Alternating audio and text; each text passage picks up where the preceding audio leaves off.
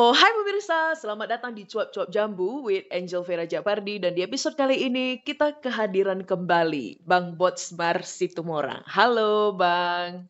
Halo Kak Angel. Apa kabar dirimu? Ya, kabarnya baik, syukur bagi Tuhan. Saya harap Kak Angel juga kabar baik. Amin. Amin, puji Tuhan. Puji Semoga Tuhan. kita sehat selalu. Amin. Oke, jadi di Cuap-Cuap Jambu kali ini diriku kepengen agak mengkepo-kepo lah ya Bang ya. Siap. siap. Nanya-nanya gitu ya. Dan ya semoga bisa menjadi inspirasi untuk teman-teman yang mendengarkan Cuap-Cuap Jambu di episode kali ini. Amin.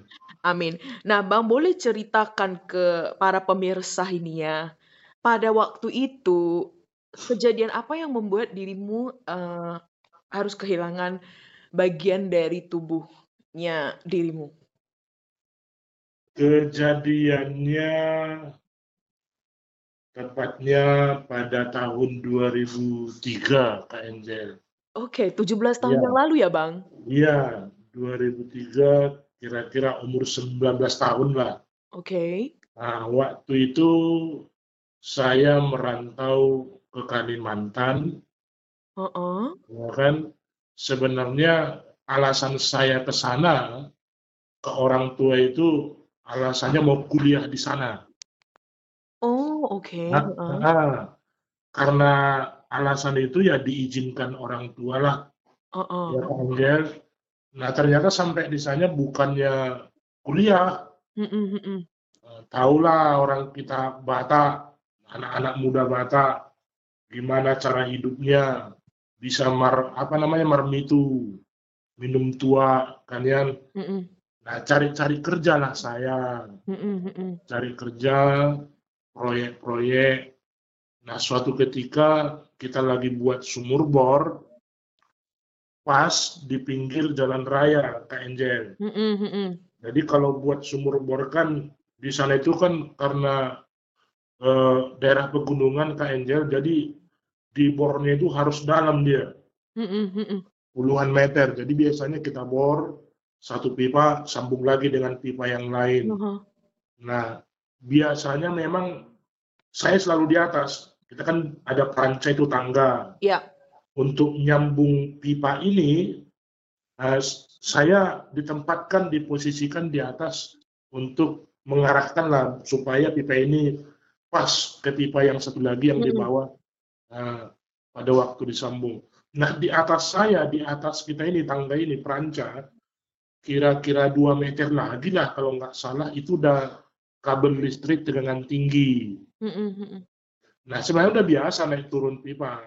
Cuma mungkin hari itu saya teledor bisa jadi atau mungkin eh, apa namanya sudah saatnya waktunya seperti itu ya suatu hari suatu ketika pipa yang saya pegang ini Kak Angel kesambar ke kabel listrik itu kabel listrik tegangan tinggi yang nggak ada nggak berbungkus dia telanjang dia Oke, oke. Nah itulah kontak, ya udah habis dua hari koma, seperti itulah kejadiannya Kak Angel. Berarti pas dirimu bangun itu udah langsung dokter menjelaskan atau dirimu langsung lihat langsung kalau eh, dirimu udah kehilangan bagian dari tangan dirimu, Bang?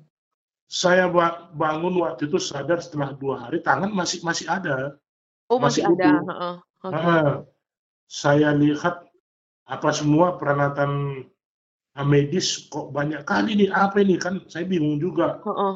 heran terkejut waktu itu Heeh. saya tanya abang yang waktu itu menjagai saya udah diam diam diam jangan lasak katanya. Kemudian diceritakan lah Nah, tangan masih utuh cuma dari pergelangan tangan sampai ujung jari dia udah kayak terbakar Kak Angel. Mengapa terbakar? Seperti terbakar kita kan kerja pakai safety sebenarnya pakai sarung tangan. Iya, iya. pakai sepatu boot pengaman. cuma sarung tangannya basah Kak Angel Oh. nah, nah karena basah kena listrik nah itu yang buat dia Mm-mm, parah mm-mm, mm-mm. ditunggu tunggu tunggu sebenarnya dari awal dokter udah bilang ini harus amputasi, kalau enggak nyawa terancam, gitu. Mhm.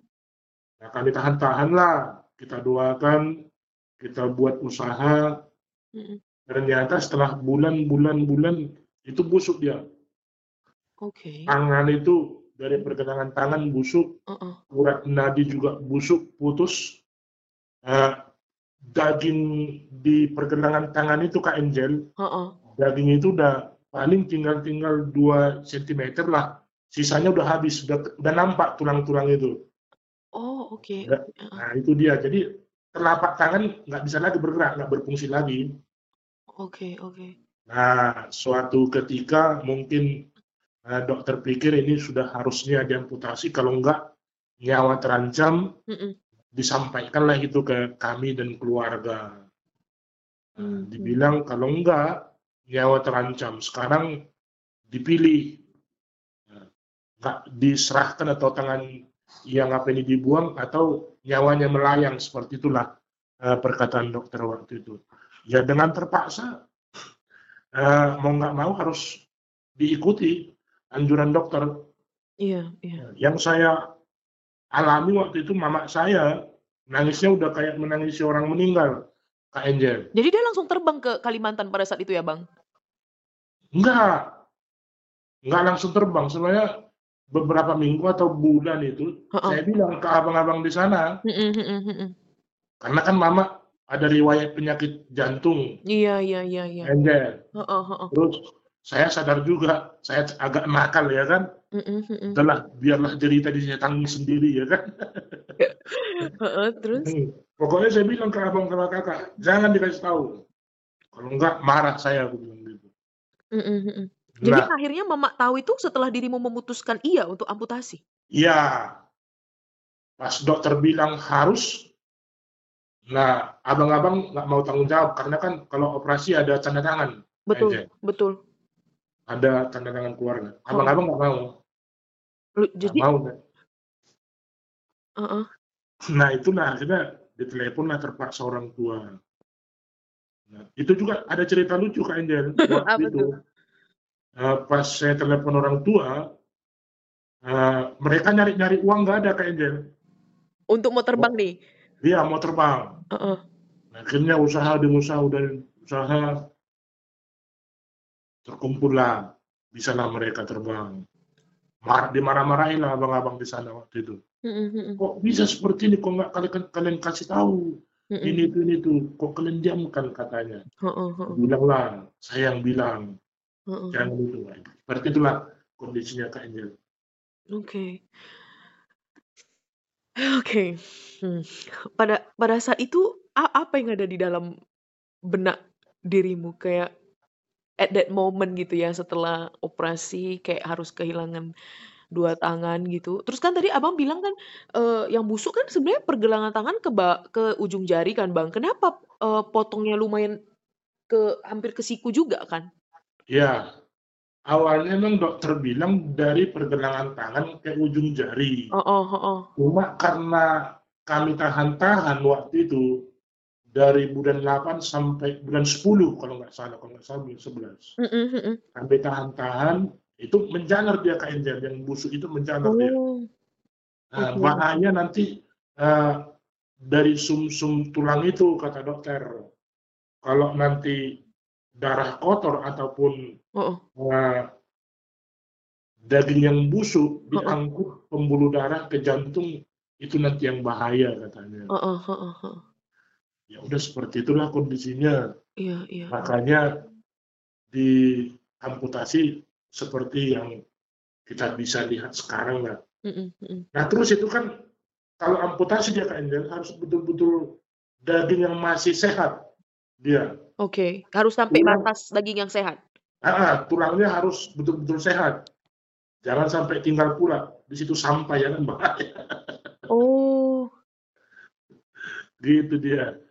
Nah nah setelah itu kan ya dimulailah dengan babak baru dalam kehidupan saya. Heeh heeh, baga kayak mana dirimu pada saat itu? Aduh Mak, diriku pun sesak memikirkan tuh. Ya, jadi kayak orang bermimpi Kak Angel. Oke, kayak orang Kayak bermimpi. kayak bermimpi.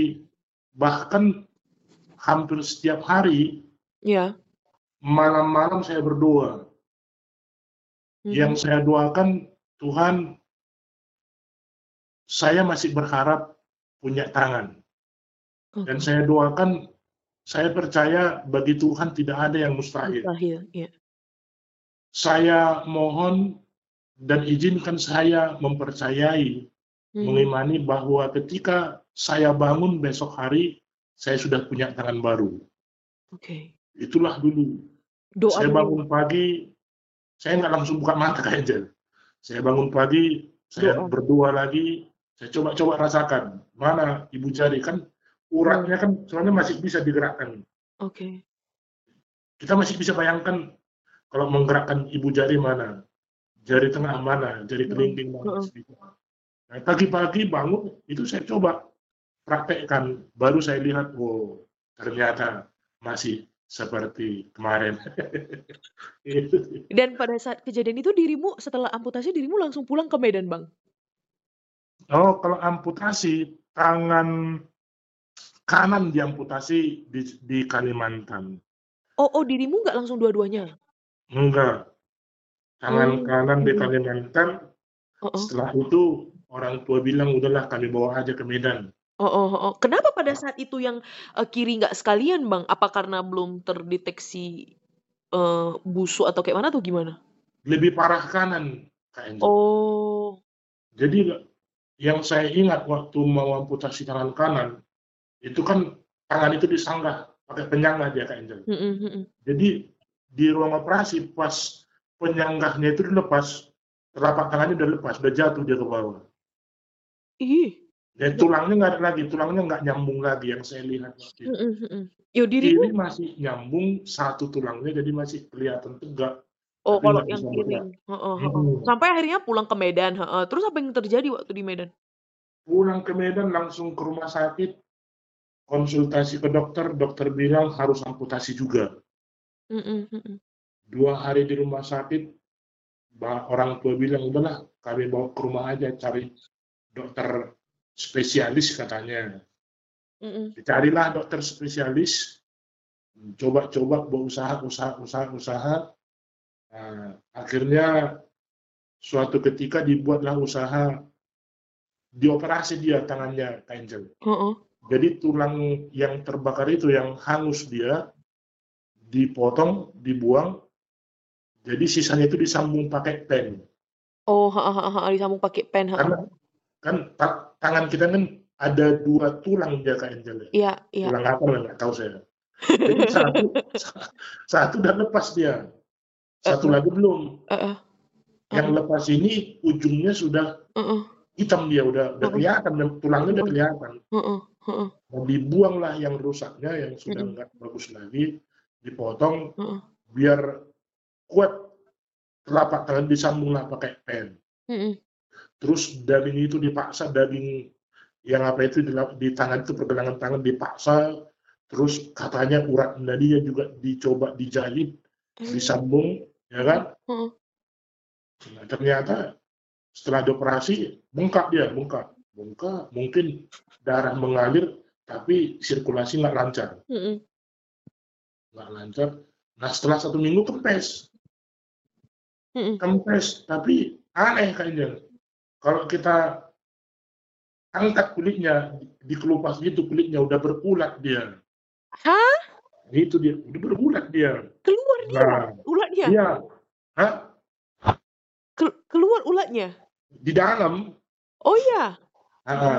Mhm mhm. Cuma dia kan dia kan udah makin apa dia, nggak Heeh. terlalu bengkak lagi. Heeh. Nah, itulah di situlah saya pasrah, saya bilang ke orang tua, mama lah yang paling histeris histeris apa yang menangisnya waktu itu. Mhm mhm. Udah gini aja lah, Pak, aku bilang, semua keluarga nangis-nangis Kak Angel. Heeh. Adik-adikku cewek nangis semua, kayak nangis orang mati. Terus kubilang lah, "Udah nggak apa-apa, kan sedikitnya dibuang, saya kan masih hidup," Mhm bilang gitu. Ya akhirnya dengan terpaksa, ya diamputasilah Yang sebelah kiri. 2004. Dua oh berarti selang setahun juga ya? Hampir setahun, Iya kejadian iya. kan 8 kayaknya. Heeh Jadi Bang, setelah itulah, setelah dua-duanya udah nggak ada, berarti kan itu di 2004. Bagaimana dirimu pada saat itu? Apa yang ada dalam benak dirimu? Terus kayak mana dirimu menjalani hari-hari pada saat itu? Yang ada dalam benak saya, satu penyesalan. Ya. Dua, dia merasa sepertinya nggak berguna lagi, jadi beban. Apakah diri jadi, eee, ap jadi karena dirimu ngerasa gitu, dirimu mengurung diri kah atau kayak mana? Kalau mengurung nggak kayaknya. Oke. Mengurung mungkin paling ya berdoa lah, karena puji Tuhan Mhm. orang tua, keluarga-keluarga yang takut Tuhan, Mhm. ya kita juga berusaha menguatkan hati dengan Ya. cara berdoa. Ya. Gitu dia. Oke. Dan apakah setelah kejadian itu dirimu kayak pernah dikucilkan sama, mmm, sekitar lah ya gitu? Atau ada cuit-cuitan orang yang kayak agak menusuk hati gitu? Kalau dikucilkan, ya itu perasaan kita mungkin, kita Insecurity kita sendiri ya? Iya. Jadi tapi memang pernah nah ini katanya, ada orang yang bilang, yang mengatakan ini termasuk keluarga dekat. Mhm mhm. Jadi katanya, "Udahlah lebih baguslah si Bos Mar itu mati," katanya. Ya. "Hidup pun nanti jadi beban terhadap mama bapaknya," katanya. "Mau Oh. ngapain" iya gitu katanya, karena mau ngapa-ngapain pun nanti dibantu. Mau makan disuapin semua, dibantuin. Heeh. Ya memang seperti itulah, ada keluarga yang bilang orang juga ada yang bilang gitu, ya wajar aja. Secara manusiawi mungkin dianggap jadi beban, nyusahi, kan itu dia. Mungkin lebih bagus diikhlaskan. Kalau udah mati, ketemu Tuhan, udah masalah selesai. Aduh, Mak. Oh Tuhan. Jadi dirimu mulai kapan mu di di di waktu kapan dirimu kayak ngerasa kayak, "Oh ini nggak bisa gini terus," gitu, dirimu harus bangkit dan mulai melakukan sesuatu? Karena kan bisa dibilang kan dirimu sangat mandiri ya gitu, kayak dirimu bilang kayak orang-orang bilangnya kayak, "Oh beban apa segala macam," tapi setelah dirimu beradaptasi, dirimu bisa menjadi, eee, pribadi yang mandiri gitu, dan itu dirimu mulai kapan sih melatih diri sendiri Oh. untuk bisa menjadi lebih mandiri? Yang pertama mungkin bukan karena saya, yang pertama karena Tuhan yang mampukan, menguatkan. Yang kedua, yang saya alami itu membuat saya bangkit itu adalah cinta terhadap keluarga. Mhm mhm. Jadi yang saya pikirkan, saya nggak boleh seperti ini terus. Saya nggak mau jadi beban bagi keluarga. Mhm. Saya tidak mau keluarga malu karena saya. Mhm. Dan saya doakan belajar satu demi satu, Mmm. karena pernah satu ketika Kak Anjel, Iya. kamu kan semua istilahnya kan yang saya alami ini kan butuh proses dia Kak Anjel. Betul betul, takes time Iya. takes time, ya. Iya. Jadi pernah suatu ketika saya dimandikan Kak Anjel, yang Heeh. mandikan saya waktu itu bapak saya. Heeh. Bapak saya di belakang nimba air, saya dengar bapak saya nangis. Heeh. Nah, saya diam aja, pura-pura nggak tahu, tapi dalam hati saya, "Gimana lah saya ini," kata dia. Heeh. "Udah nggak berguna, buat orang tua susah." Nah, tapi berusaha menguatkan diri. Mhm. Ya akhirnya besoknya saya bilang, "Pokoknya mulai sekarang saya mau mandiri." Mhm. saya mau mandiri. Hari ini saya mau mandi sendiri. Itu kan mandiri, mandi sendiri. Memang sih Abang ini, oke. Ya kan? Heeh. Nah, masuklah sekarang mandi, duduk, nggak tahu mau ngapain. Kayak mana nggak ngerti saya. Udahlah saya berdoa, doa, Tuhan ajari saya. Memang nggak langsung, eee, istilahnya hari itu langsung Bisa. bisa, enggak. Mhm. Saya belajar gimana sih cara pegang gayung gimana. Terus kalau misalnya saya saya sabunan gimana. Mhm. Nah, dari situlah saya belajar berusaha menguatkan diri karena cinta keluarga, mengasihi keluarga. Dan saya sadar juga nggak mungkin selamanya bergantung ke keluarga kan. Iya.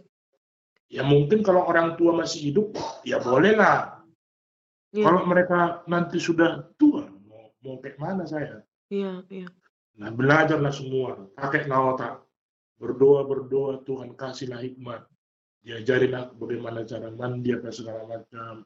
Nah, dalam proses yang cukup panjang, akhirnya satu persatu Tuhan ajari sampai sekarang bisa nulis, bisa mengoperasikan handphone, laptop, apa segala macam. Ya puji Tuhan, begitulah dia KMZ. Memang paten kali dirimu ya, canggih dirimu memang best sekali. Canggih tapi di mana ya KMZ? Kalau misalnya lah ngetik lah, ngetik, Mm-mm. operasikan laptop atau komputer. Oh, oh. Kalau orang misalnya satu halaman, buatlah setengah jam misalnya. Oh, oh. Saya, saya bisa misalnya dua jam KMZ. Dua jam. Oke, Atau mungkin kurang lah, satu jaman lah buat. oke. Tapi puji Tuhan, ya bisa juga ya kuliah. Nah itu, itu pertanyaan mau diriku tanya gitu. Apa yang kayak membuat dirimu kayak kuliah lagi gitu? Dirimu eh, S1-nya background apa pertamanya? S1 teologi, Oke, teologi. Terus S2-nya? S2 teologi juga. Oke. Nah ini ini juga ambil S2. S2 lain. lagi kan? Dirimu kan ambil Iya. S2 lagi gini kan. Jadi S2-nya ini ada dua nih kan. Iya. Kayak pas dirimu dirimu ngambil kuliah S1 itu setelah kejadian atau before? Setelah kejadian. Setelah berarti kan. hmm, Nah, setelah itu kayak setelah dirimu belajar mengadaptasi kayak mandi dan lain sebagainya, baru dirimu memutuskan kuliah atau eh, berjalan bersamaan. yang saya pikirkan waktu itu kan, ini proses sudah panjang kayaknya. Heeh. Udah, udah panjang. Kejadian 2003, saya kuliah S1 2009. Wow, Itu 6 tahun. enam tahun. Heeh, heeh. Nah, di situlah proses belajarnya. Oke. Gimana belajar menulis, mm-mm. eh, komputer atau laptop waktu Oh, itu masih, oh. masih sedikit-sedikit lah. Heeh, heeh. Nah, di situlah di akhirnya 2009 Kuliah. saya kuliah. Sebenarnya kuliah saya putuskan waktu itu bukan untuk profesi, bukan. Iya. Untuk pelayanan. Heeh. Jadi sa- waktu itu saya sudah jenuh dengan dunia ini. Jenuh. Yang saya fokuskan waktu itu kehidupan setelah di dunia. Oke, oke. Itu yang saya fokuskan waktu itu saya Ya. imani Tuhan sekalipun mungkin eh, di dunia saya susah menurut ukuran manusia, Mm-mm. saya percaya di surga nanti saya bahagia. Oke. Nah, izinkanlah saya fokus ke situ. Karena di tengah-tengah dunia yang penuh dengan persoalan ini pun, Mm-mm. saya bersyukur Tuhan beri kekuatan, Mm-mm. Tuhan beri hikmat.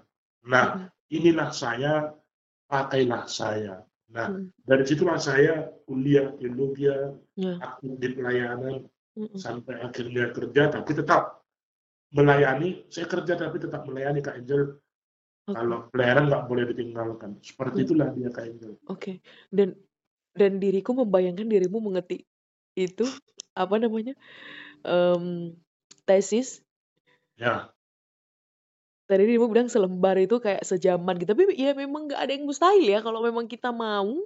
iya, Ada aja jalannya, ada aja caranya tuh. iya. Kalau orang kan ngetik 11 jari, paling tidak dua jari kan Kak Angel. Ya, ya, Jari telunjuk tak tuk tak tuk tak ya, tuk. ya, ya. Kalau saya enggak, satu jari. Pakai Saya, pen. saya jepit pensil, pensil atau pulpen, Oh, oke. oke. saya Jepit. dengan kedua tangan. gitu. Mm-mm. Itulah dia, satu jari. Tak tak tak tak tak tak gitu aja. deh. Tapi paten juga. Jadi Ya, dirimu Tuhan. S2 yang kedua ini udah mau selesai atau udah selesai juga? Ya, Puji Tuhan, ini sedang nyusun Kak Angel. Sedang menyusunnya. Jurusan apa udah tadi? Jurusan ilmu komunikasi. Oke, ngeri kali ya. Udah teologi ya. Habis itu ini S2 lagi yang komunikasi. Biar Paten. ada, kerja, biar ada kerjaan Kak Angel. Sampai tua pun gitu-gitu nggak apa-apa lah. Oh ya, dirimu berarti suka belajar ya. Ya, tapi itu bagus sekali sih. Maksudnya kayak yang pertama itu ya yang diriku belajar dari dirimu itu adalah kayak dalam hidup ini nggak ada yang nggak mungkin gitu ya. Ya, Kayak orang bisa menilai kita dengan segala keterbatasan kita, tetapi Tuhan hadiahkan sesuatu yang nggak nggak semua orang bisa juga gitu. ya. Right? Tuhan. Dan untuk dirimu bisa secara mental bangkit dan sembuh secara mental itu itu harus dikasih jempol. Empat nggak cukup lah, sepuluh lah bang. Jadi bang teringat ya dari proses selama berarti kalau dari 2003 selama 17 tahun ini pernah nggak sih kayak sedetik gitu dirimu kayak ah kenapa Tuhan ini nggak adil ini sama aku gitu. Pernah Kak Angel. Apa yang Tapi ngomong ke Tuhan? pernah karena masalah sudah eh, campur aduk, Ya, banyak masalah waktu itu. ya, Saya mengalami masalah seperti ini, tambah lagi masalah keluarga. heeh, Waktu itu masalah keluarga, saya sempat bilang, enggak ada Tuhan itu. Pernah aku bilang gitu Kak mm-mm, Enggak ada Tuhan itu. heeh. Lalu, Karena heeh, terus, bapak saya kan pelayan Tuhan juga Angel. heeh, heeh, Bapak saya kan melayani, tapi kok dibiarkannya seperti ini. mm-mm. Pernah saya bilang gitu, tapi ujungnya minta ampun juga. Karena waktu itu memang udah udah udah berat kali masalahnya Kak Angel. Iya, bertubi-tubi ya pada Iya, saat kalau itu. kalau masalahku mungkin masih bisa aku tahan-tahankan. Iya, Nah, tapi setelah melihat lagi masalah keluarga, mana macam mana hidup ini kan? Iya, iya. Udah tak ngerti lagi lah ya istilahnya pada saat itu ya. Iya, Oke. tiap hari berdoa, Heeh, tapi kok begini lagi ya. mm-mm. Jadi sempat bingung dia. Oke. Tapi akhirnya kita Iya, sadar, kita minta ampun ke Tuhan, iya, kemudian berserah, iya, terus mengimani bahwa Tuhan sebenarnya tidak diam. iya. Tuhan peduli, puji Tuhan, ya inilah sekarang. Itu dia Angel.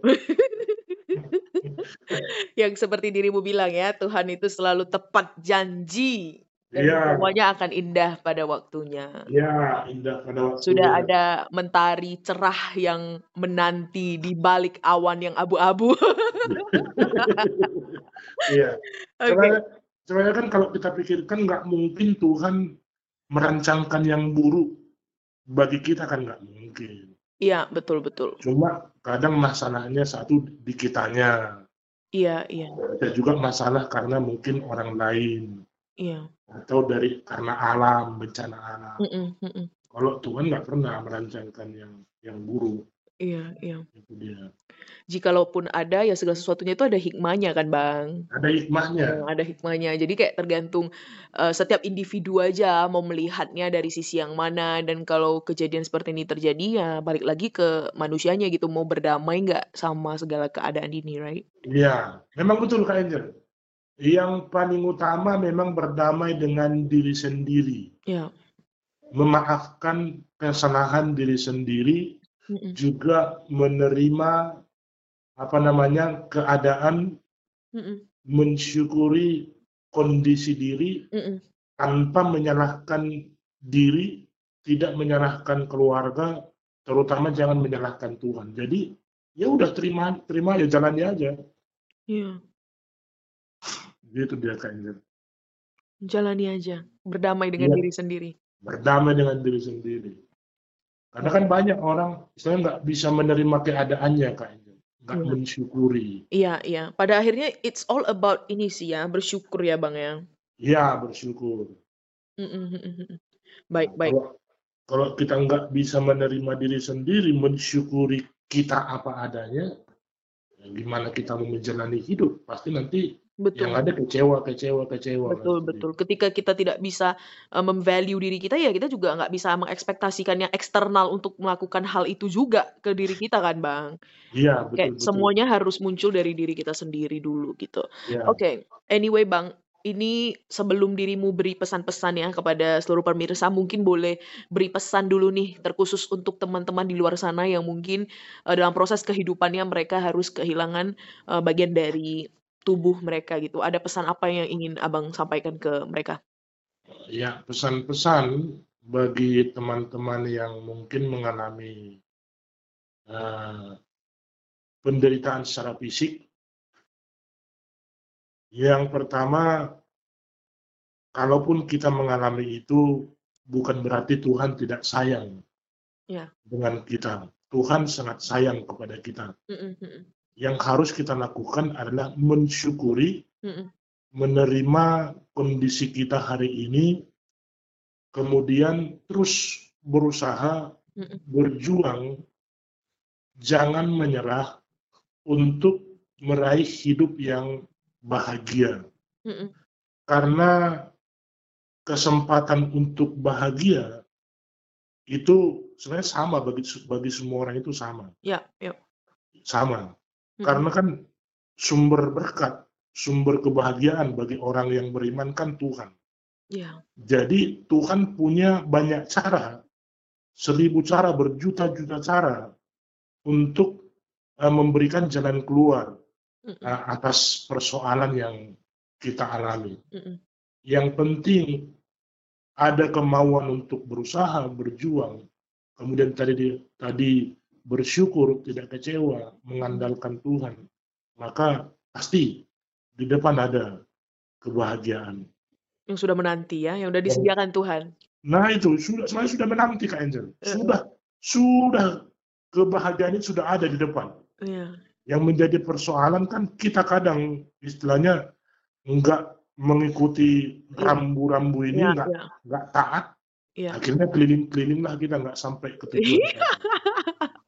Iya, iya, proses dalam perjalanan menuju bahagia itu tadi ya, Bang, ya? Iya, iya. Iya, iya, oke. Nah, kalau untuk secara general nih ya, untuk para pemirsa lah yang mendengarkan Cuap-Cuap Jambu ini, dirimu ingin memesankan apa? Tentang hidup, tentang apalah yang dirimu yang dirimu banget lah gitu.